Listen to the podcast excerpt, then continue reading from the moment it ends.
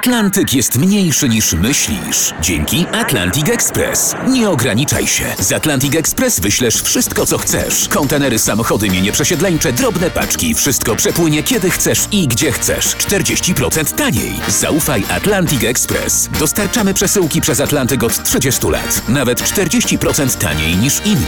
Dzwoń 1 800 775 73 63. Ekspresowo przez Atlantyk. Tylko z Atlantic Express. Jasna strona świata prezentuje Marek Tomalik. Po jasnej stronie świata profesor Paweł Waldenowak z Instytutu Archeologii Uniwersytetu Jagiellońskiego. Rozmawiamy o rekonstrukcji życia naszych praprzodków w okresie paleolitu 20-30 tysięcy lat temu. W jaskini Opłazowa, niedaleko Nowej Białej na Podhalu, prowadził pan badania od wielu, wielu lat. To chyba jedno z e, najlepiej, najwnikliwiej przebadanych stanowisk archeologicznych i to chyba w skali europejskiej. No trudno mi o tym mówić, e, niech, niech potomnie ocenią. E, z całą pewnością zastosowaliśmy tu procedury właściwie niestosowane wcześniej w przypadku badań tego typu stanowisk w Polsce i rzadko stosowanych w Europie na taką skalę, czyli szlamowanie, płukanie na drobnych bardzo sitach całości wydobytego sedymentu. To była pierwsza taka innowacja, która bardzo się opłaciła. Dzięki temu trafiły do naszych rąk przedmioty drobne, ale niezwykle, niezwykle ważne, tworzące kontekst dla, dla innych. Te badania trwały wiele, wiele lat. Rozpoczęły się w 1985 roku. Z małymi przerwami do roku ubiegłego trwały. Nie powiem, że się całkowicie ta kampania zakończyła, ale to tempo y, nigdy nie było szalone, nigdy nie było y, za szybkie.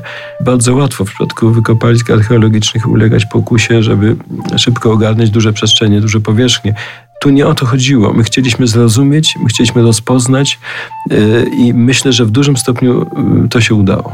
Ale nie tylko drobne fragmenty pan tam odnalazł. Między innymi głazy, które mogą sugerować namaszczenie tego miejsca na sanktuarium.